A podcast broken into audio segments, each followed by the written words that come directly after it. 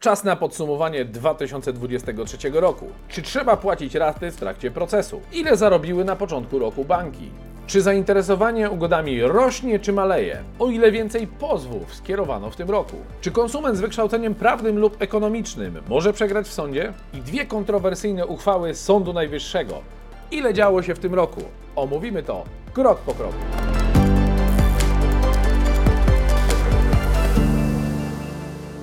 Dzisiejszym odcinku porozmawiamy na temat 2023 roku. Powiedzieć, że był to rok wielu przełomów i wydarzeń, które szarpały naszymi emocjami od lewa do prawa, zdecydowanie nie będzie powiedzeniem za dużo.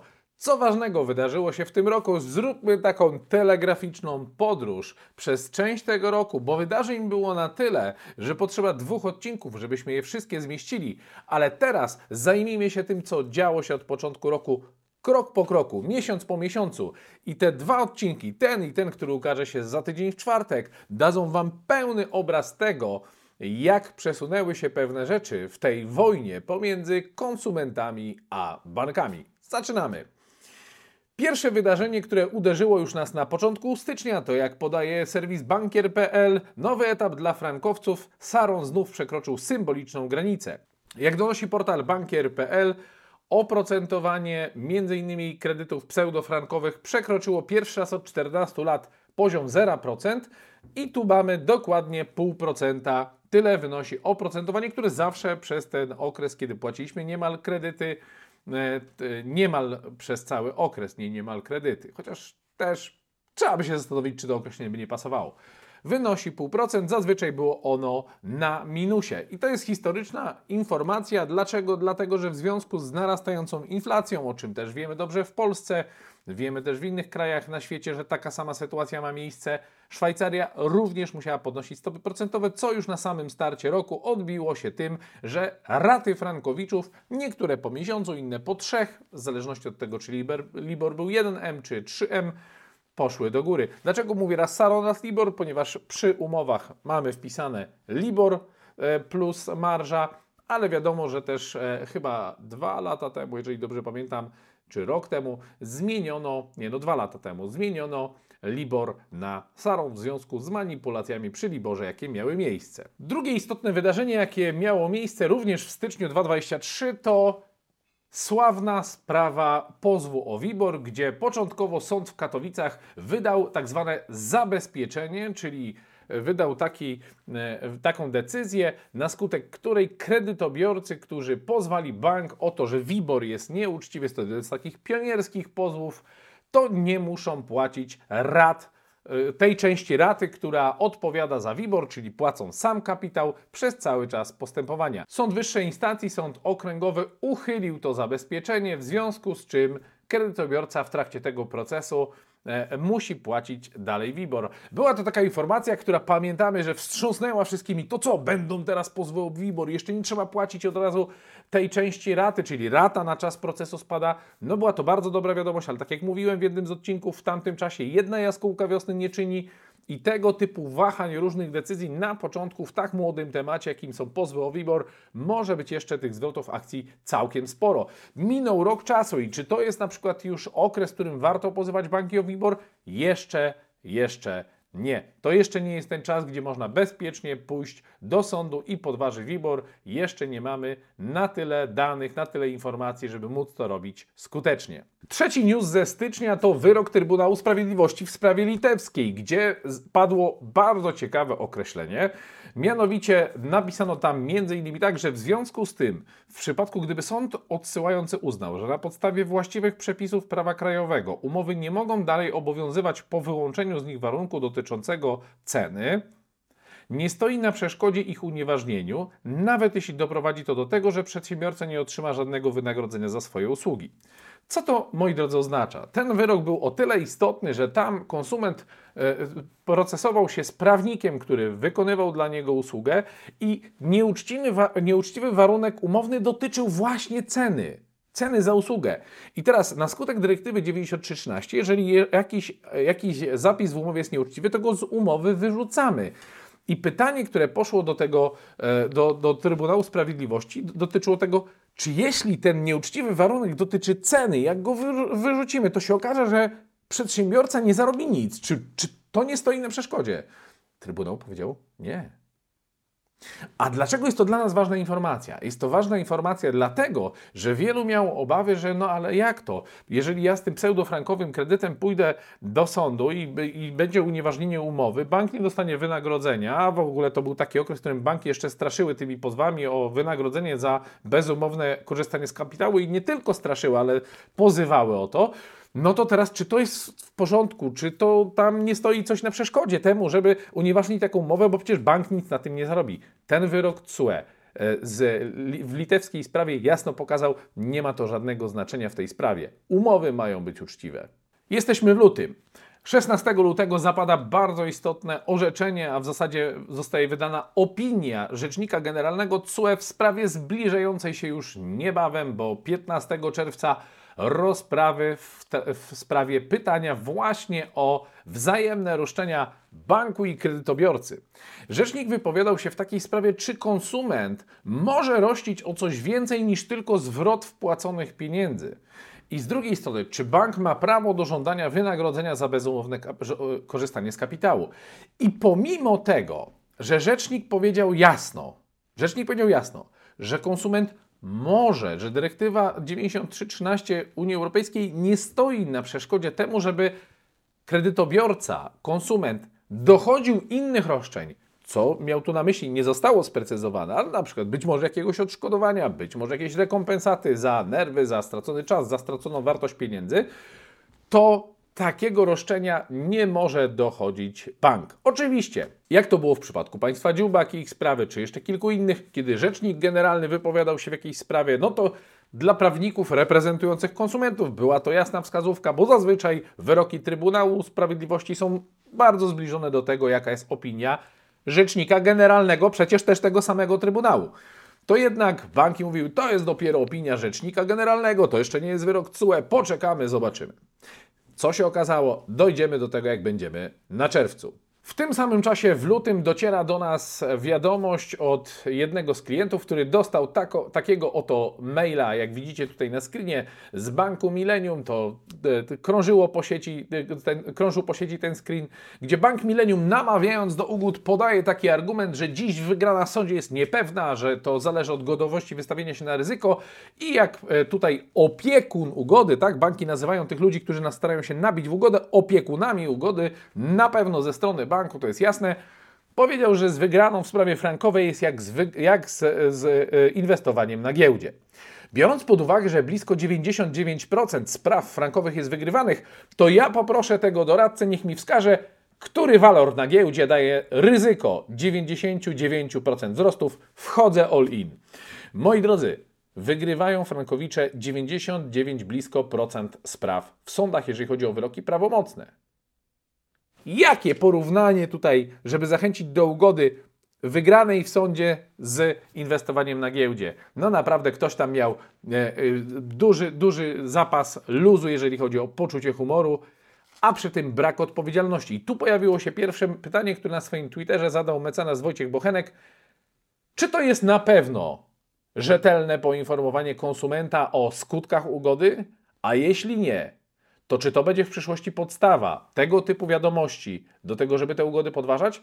Czas pokaże. Na ten moment jeszcze za wcześnie, by tu z całą stanowczością wyrokować. Mamy marzec. Tutaj pojawia się znowu temat ustawy regulującej te spory frankowiczów z bankami. Kiedy w 2015 roku to frankowicze chcieli ustawy, żeby nie musieć iść do sądu, to banki mówiły, jaka ustawa, to jest nie w porządku, niech sobie idą do sądu, jeżeli im się coś nie podoba. W 2018 roku, kiedy zaczęły się pojawiać narastające ilości pozwów, ale nie było jeszcze wygranych, bo dopiero pierwsza wygrana w, e, w, instancji pierwszej to był chyba Santander, to był chyba 9 sierpnia, jeśli dobrze pamiętam, jedna z wrocławskich kancelarii wygrała wtedy sprawę w pierwszej instancji, to było odfrankowienie do unieważnienia, to jeszcze było daleko, daleko. Banki mówiły, ustawa byłaby sprzeczna z konstytucją, to zachwiałoby sektorem finansowym. No i takie było ich stanowisko. Nagle mamy 2023 rok, mamy kilkadziesiąt tysięcy wygranych spraw frankowych na rynku, 90, blisko 9% banki przegrywają. Nagle banki mówią co?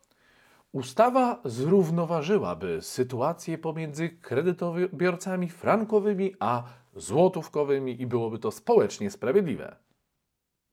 Czy tylko ja widzę tu pewne nieścisłości? Jak te wypowiedzi bankowców szybko się zestarzały. 16 marca zapada kolejny korzystny wyrok CUE w sprawie kredytobiorców. CUE stawia na wysoką ochronę konsumenta. Co to dokładnie oznacza? Oznacza to, że konsument to konsument. Jak powiedział CUE, status konsumenta nie zależy od czyjegoś wiedzy, doświadczenia czy wykształcenia. Jaki miało to faktyczny rezultat? Przede wszystkim rozwiało wątpliwości co do pewnych grup zawodowych, jak na przykład prawnicy, jak ekonomiści, czy osoby, które są wykształcone w, lub pracują w finansach i takie mają doświadczenie zawodowe, bo banki w swoich jakby odpowiedziach na pozew, nie kontrpozwach, tylko odpowiedziach na pozew, czy na salach rozpraw w formie pytań bardzo często zgłaszały to jako zarzut, że ten konsument wiedział, co podpisuje. W tej sytuacji CUE powiedział wprost: To, co konsument wie, nie ma znaczenia. Umowy mają być uczciwe. Mają być proste, przejrzyste i nie może bank jednostronnie narzucać kursu franka. Wykształcenie nie ma tu nic do rzeczy. Świetny wyrok CUE. Również w marcu pojawia się uchwała Sądu Najwyższego, która wzbudza nieco kontrowersji. Bankowcy szybko podchwytują temat i mówią co? Sąd Najwyższy stwierdził, że umowy frankowe nie mogą być unieważniane z automatu i to jest przełom. Nie, moi drodzy, to nie jest przełom, bo one nigdy nie były unieważniane z automatu. Zawsze trzeba było poprowadzić postępowanie i ten wyrok Sądu Najwyższego niczego kompletnie nie zmienia, a podkreśla tylko, że każda sprawa jest inna, trzeba zbadać pewne okoliczności indywidualnie i co do tego, to nie jest tak, że idziemy do sądu, mówimy nieuczciwa umowa, więc pach, unieważnienie umowy. Sąd musi wziąć pod uwagę również na przykład wolę samego konsumenta, więc dużo dymu, a ognia brak. 26 marca pojawia się też ciekawy artykuł na, w serwisie money.pl, gdzie y, jest artykuł na temat tego, jakie są sposoby na kredyt frankowy, są różne wyliczenia i właśnie, co podkreślono na podstawie też liczb w tym artykule, spada zainteresowanie ugodami, a ilość pozwów rośnie. I to absolutnie nic dziwnego, bo kiedy coraz więcej stawało się jasne, coraz więcej dobrych wiadomości płynęło zarówno ze strony SN-u, jak i ze strony Trybunału Sprawiedliwości Unii Europejskiej, ale też z polskich wokant, z sal sądowych, gdzie frankowicze wygrywają niemal 99% spraw, to nic dziwnego, że ugoda wydaje się w tym momencie kiepskim pomysłem. A potwierdza to fakt, że do mojego profilu nabici przez banki zgłasza się coraz więcej kredytobiorców, którzy zawarli ugodę i wcale nie są z niej zadowoleni i pytają, czy można ją już podważyć. Przychodzi kwiecień i znowu kontrowersyjna uchwała Sądu Najwyższego, która ma nadaną moc zasady prawnej. Co takiego? Na skutek zmian w okresie COVID-u sądy miały rozpatrywać zarówno w pierwszej, jak i w drugiej instancji sprawy w składach jednoosobowych. To miało spowodować ochronę, e, ochronę epidemiologiczną, jak i również przyspieszyć postępowania. I nagle pojawia się ustawa Sądu Najwyższego, według której sądy apelacyjne, czyli w apelacji w drugiej instancji, czy to sądy okręgowe, nie mogą rozpatrywać spraw jednoosobowo, co oczywiście miałoby mieć wpływ na ich ważność. Padł blady strach, pamiętam ten dzień paniki, pamiętam mnóstwo pytań w komentarzach i w wiadomościach prywatnych, kiedy pytaliście o to, a jak my mamy teraz, dostaliśmy wczoraj wyrok, przedwczoraj wyrok, trzy miesiące temu wyrok i rozpatrywał jeden sędzia, czy to znaczy, że musimy teraz apelację, całe postępowanie od nowa? No i tutaj faktycznie można było przez chwilę się zastanawiać nad tym, co to będzie. Co się okazało? Tym zajmiemy się pod koniec tego wideo, bo też w tej sprawie pojawił się news już w czerwcu, ale był to moment, kiedy faktycznie w kwietniu sporo osób miało prawo czuć jakiegoś rodzaju strach, jakiegoś rodzaju napięcie i jakiegoś rodzaju stres, co się okazało przy czerwcu będziemy na ten temat mówić. W tak zwanym międzyczasie zapada kolejny wyrok Trybunału Sprawiedliwości Unii Europejskiej, tym razem, tym razem w sprawie węgierskiej, gdzie w sprawie tej Trybunał wypowiadał się w kwestii tego, czy Sąd Krajowy może umowę uzupełniać bądź modyfikować, czyli ją w cudzysłowie naprawiać. Było to o tyle istotne wydarzenie i orzeczenie, że nas w Polsce też to interesowało. Może nie była to jakaś powszechna praktyka, ale zdarzało się, że na salach sądowych Niektóre sądy w Polsce wpadały na taki pomysł. Nie było to jakieś może masowe zjawisko, bardziej sporadyczne, ale takie fikołki prawne się pojawiały, że sąd wpadał na pomysł, że on naprawi tę umowę i ten nieuczciwy warunek umowny, nieuczciwy zapis, który mówi o tym, że bank po swoim kursie przelicza do franka, zamienimy na przeliczanie po średnim kursie NBP i umowy nie trzeba będzie unieważniać. CUE powiedział jasno. Sąd Krajowy nie może modyfikować ani uzupełniać umowy, nie może naprawiać tych nieuczciwych warunków umownych, a przedsiębiorca, jeżeli pobrał coś nieuczciwie, jakieś pieniądze na skutek takiego nieuczciwego warunku umowy, to te pieniądze musi zwrócić. Koniec, kropka. Bardzo dobra wiadomość, również dla polskich frankowiczów i nie tylko. Z początkiem maja spływają do nas dane z sądów okręgowych. Jak wygląda tempo narastania pozywania banków, jeżeli chodzi o dane, które płyną z sądów? Jak donosi portal Monday News, proszę bardzo, mamy dane z sądów. Banki znowu z dużym kłopotem. Liczba pozwów frankowych rok do roku wzrosła o blisko 14%. Czyli w stosunku do roku 2022 o 14% więcej frankowiczów zdecydowało się pozwać bank. Widać, że ta fala pozwów cały czas rośnie. W tle tych wszystkich korzystnych wyroków CUE i potencjalnego braku możliwości zarobienia na nieuczciwych kredytach banki podnoszą regularnie lament, że sektor finansowy tego nie wytrzyma, że zapłacą za to wszyscy. Pytanie jednak w jakiej kondycji są banki. Te dane przyszły również w maju. Jak donosi portal bankier.pl, banki mają się z czego cieszyć. Zysk sektora mocno w górę.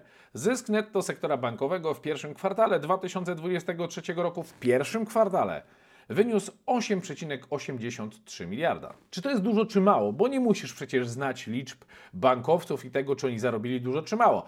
To tutaj redaktor nam ten temat szybko wyjaśnia. Co oznacza wzrost rok do roku o 42%. Czyli bankowcy, którzy narzekają, że są wakacje kredytowe dla złotówkowiczów, narzekają, że wyroki frankowe wywrócą sektor finansowy do góry nogami.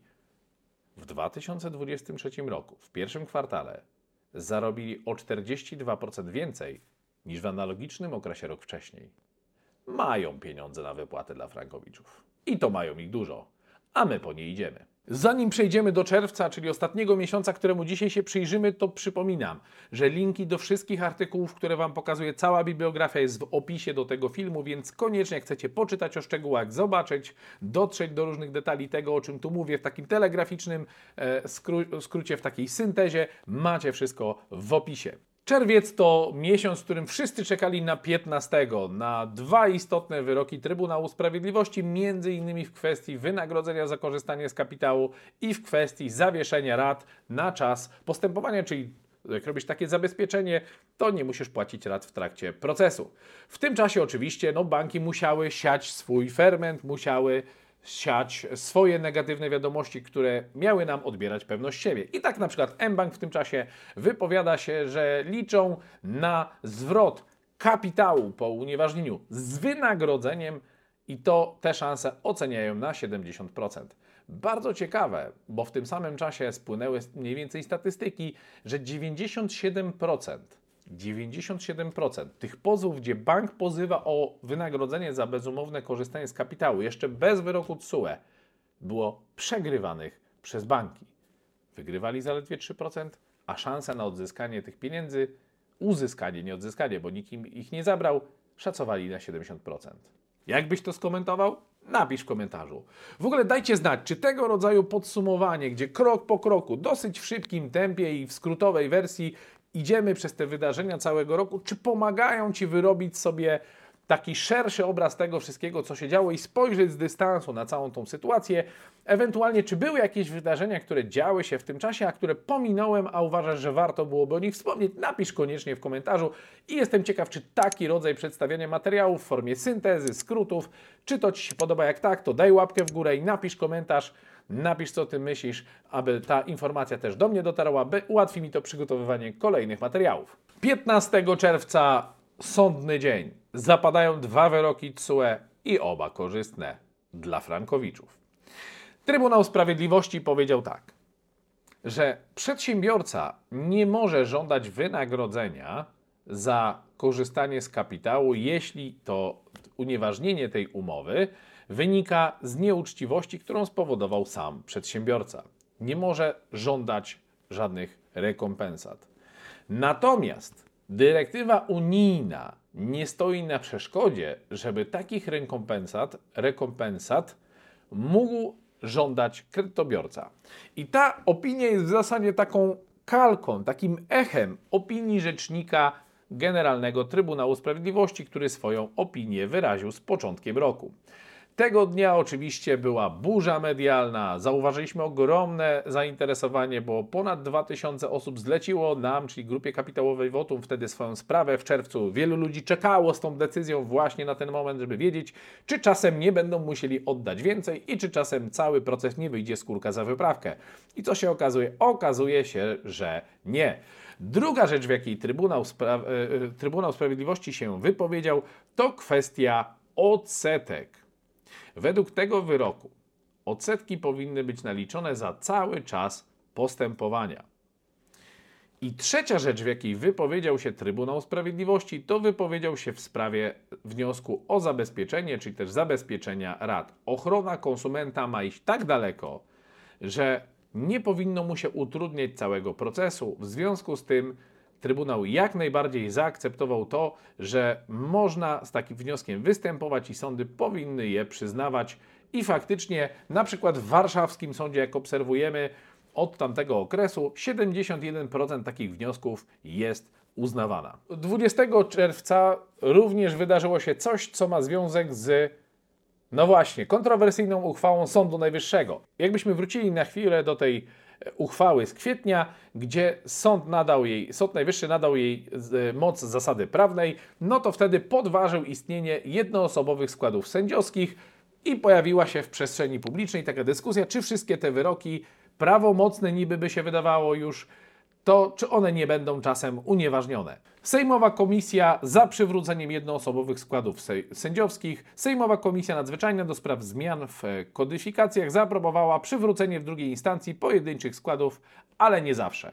I tutaj są dwa wyjątki. Kiedy nie może taki jeden sędzia prowadzić takiej sprawy, to w sytuacji, kiedy w pierwszej instancji była jakaś skomplikowana sprawa i tam był trzyosobowy skład sędziowski, to kontynuacja również musi być w trzyosobowym składzie, ale jeśli jest w jednoosobowym, to i w drugiej instancji może być w jednoosobowym. Co to znaczy? To znaczy, że sprawy frankowe będą szły szybciej, czy już idą szybciej, dzięki temu, że nie trzech sędziów musi się zebrać, a wystarczy jeden, żeby taką apelację rozpatrzyć.